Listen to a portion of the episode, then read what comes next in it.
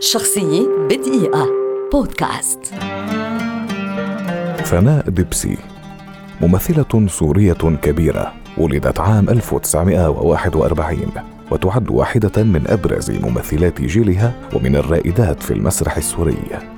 بدأت مشوارها الفني في أواسط خمسينيات القرن الماضي وشاركت مع أختها ثراء ديبسي بالعروض التي كانت تقدمها فرقة مسرح الشعب على خشبة مسرح دار الكتب الوطنية في حلب وكانت من أوائل الفنانين المساهمين في تأسيس المسرح القومي حينما تركت دراستها الثانوية وانتقلت إلى دمشق مع أختها ثراء للمشاركة في هذه الفرقة. وانضمت إلى نقابة الفنانين السوريين في الأول من مارس عام 1968 خلال مسيرتها قدمت ثناء دبسي عددا كبيرا من الأدوار على الشاشتين الصغيرة والكبيرة وعلى الإذاعة أيضا وعلى خشبة المسرح. ومن أبرز أعمالها التلفزيونية نذكر غزلان في غابة الذئاب عصي الدمع زمن العار ووراء الشمس.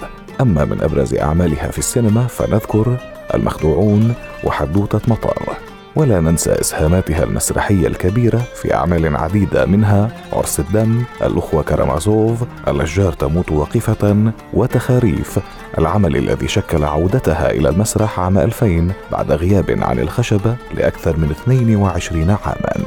تزوجت ثناء دبسي من الممثل السوري سليم صبري وأنجبت أربعة أبناء. وفي يوم العشرين من فبراير 2024 رحلت عن عالمنا عن عمر ناهز 82 عاما بعد صراع مع المرض. شخصية بدقيقة. بودكاست.